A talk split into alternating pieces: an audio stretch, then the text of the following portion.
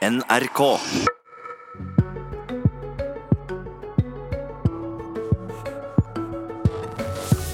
Ledere i staten tjener for mye, mener Senterpartiet, som vil sette et tak på 1,5 millioner. Rein symbolpolitikk, svarer Høyre. God morgen, dette er Politisk kvarter. Senterpartiet vil fryse lønna for ledere i staten som tjener over 1,5 millioner kroner. Ledere som blir tilsatte skal ikke få mer enn 1,5 millioner i lønn, og de som allerede tjener mer enn dette, skal ikke få lønnsauke hvis Trygve Slagsvold Vedum, leder i Senterpartiet, får det som han vil. Og Vedum, hva håper du å oppnå med dette forslaget? Det handler om hvilket samfunn vi vil ha. Altså, det norske samfunnet har vi vært heldige at det har vært ganske små lønnsforskjeller mellom folk.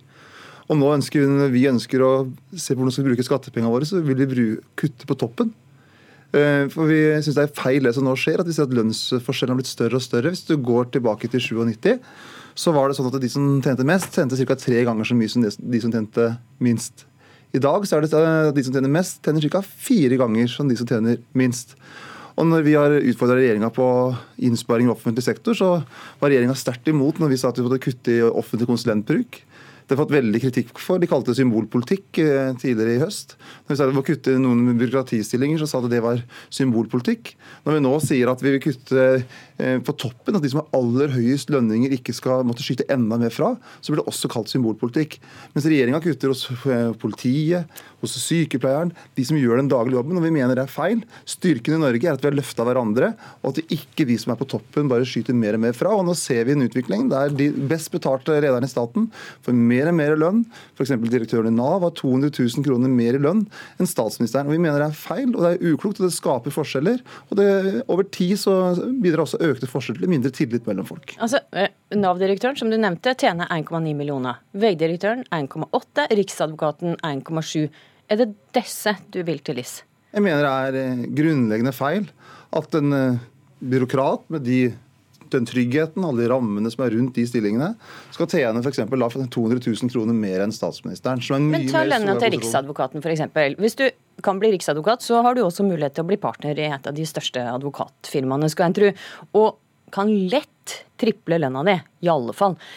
Er det ikke viktig at vi lønner slike stillinger skikkelig for å få tak i de beste folka? Det viktigste er kvaliteten på det norske samfunnet. Den viktigste kvaliteten i det norske samfunnet er at det er små forskjeller geografisk etter hvor du bor. Dagens regjering sentraliserer det de kan. Der skaper de større geografiske forskjeller. Eh, og så er det viktig at vi har små sosiale forskjeller. At om du er toppsjef, eller om du er eh, vanlig arbeidstaker, så skal det ha gode, ordentlige vilkår, men forskjellene skal ikke være for store. så det er viktigere for det enn å få tak i de beste hodene? Ja, men Jeg vil gjerne se belegget for det der. at uh, Hvis vi ikke hadde hatt uh, en Nav-direktør som hadde 1,9 millioner kroner, men kanskje 1,5 da, at da var det helt umulig å få gode søkere til den type stillinger. Jeg er helt sikker på at det kommer vi til å få. Vi har masse Det er det vel ingen som hevder, men det at lønn har noe å si for hvilken jobb du velger, er vel men her, ikke så uvanlig å tenke. Her er et veldig moderat forslag. Altså, En statsrådslønn ligger på 1,4 millioner, og her har vi satt et tak eh, og et slags lønnsfrys da, på halvannen million. Så det er et moderat forslag. for å ta det moderate grep. Eh, for å prøve å snu en utvikling. Men, og, og men avviser du at det kan gå utover eh, altså At det kan miste noen flinke folk hvis det senker lønna? Men jeg er sikker på at da får vi andre flinke folk. Og SSB har jo også når de, når de har sett på Så lønn har egentlig ikke så mye å si? si. Ja, men, altså, men altså, her halvannen million kroner, altså 15 G, det er en enorm lønn. Altså Hvis du tar politi, sykepleier, mange av de som gjør jobben i offentlig sektor, tjener fra 400 til 600 000. Altså veldig mye ligger rundt 400 500 000. Flinke, dyktige folk som går på jobb hver eneste dag. Regjeringa har pressa mange av rettighetene til de som også øh, jobber resultat av jernbanen f.eks. Mange har mista pensjon. Det er mange som har fått en røffere hverdag. Og her har vårt ønske at vi må begynne å kutte i toppen. og Begynne å se på de som har det aller best i samfunnet. Og det er ikke at de skal ta fra noen, vi skal fryse det.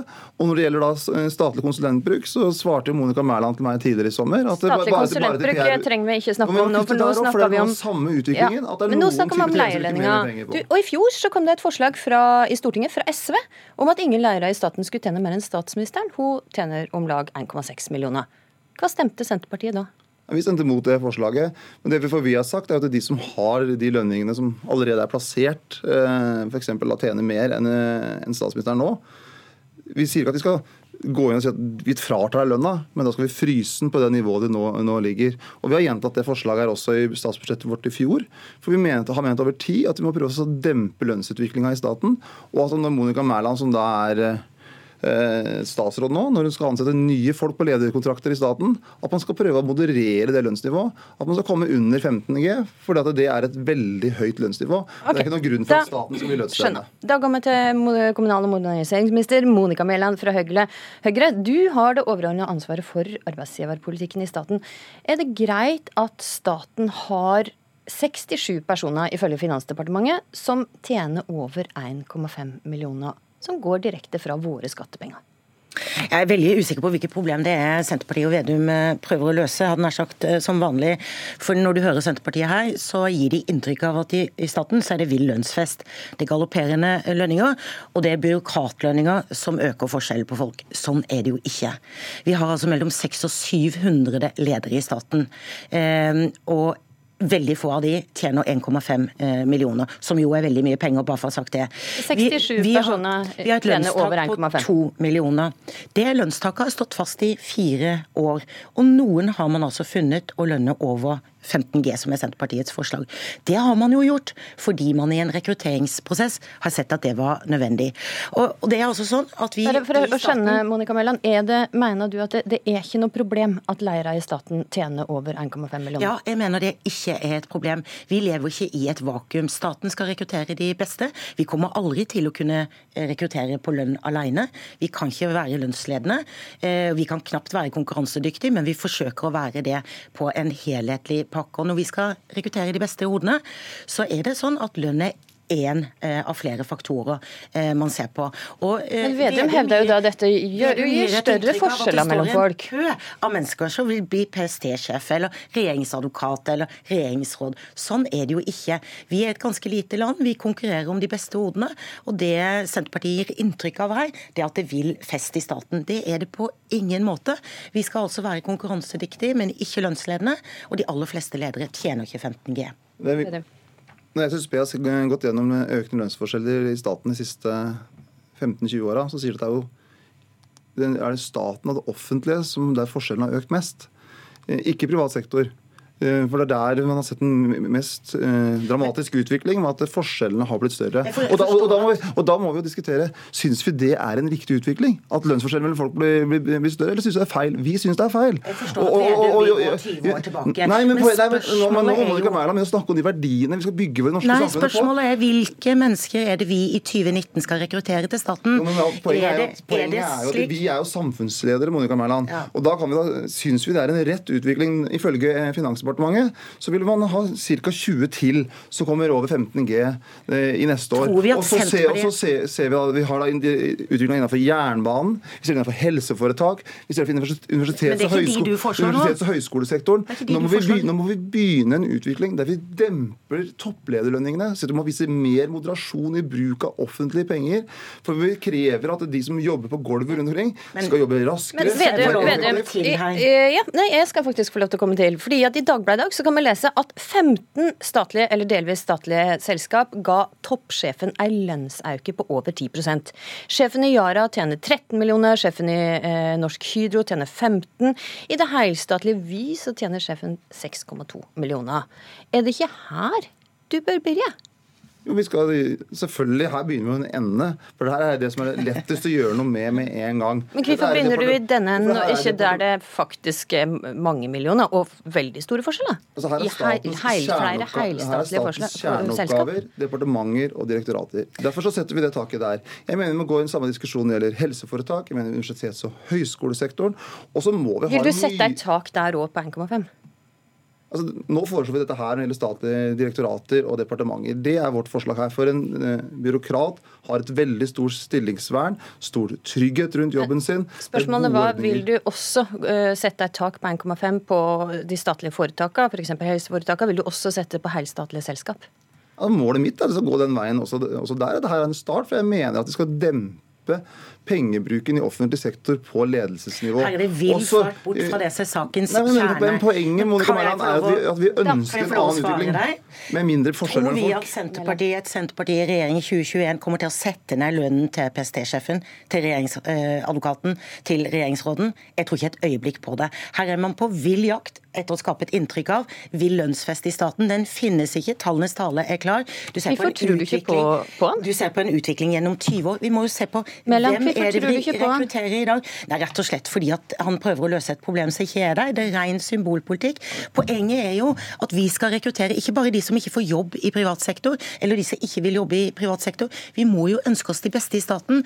Vi har altså ledere med ansvar for mange tusen mennesker på noen av livets viktigste områder. Da skal vi ikke være lønnsledende, vi skal være nøktern. Det er vi. Og grensen på to millioner har stått i fire år. Senterpartiet har ikke forsøkt å gjøre noe med den, og de forsøker ikke å gjøre noe med de lønningene som virkelig er skyhøye. Men de ønsker altså å angripe et lite sjikt av ledere som altså tjener litt mer enn statsministeren i Norge. Vedum, din lønn er på 988 000. Mæland, du tjener litt i overkant av 1,4 millioner. Med den lønna så er det også venta at jeg stiller i Politisk kvarter om morgenen. Takk for at det kom, begge to.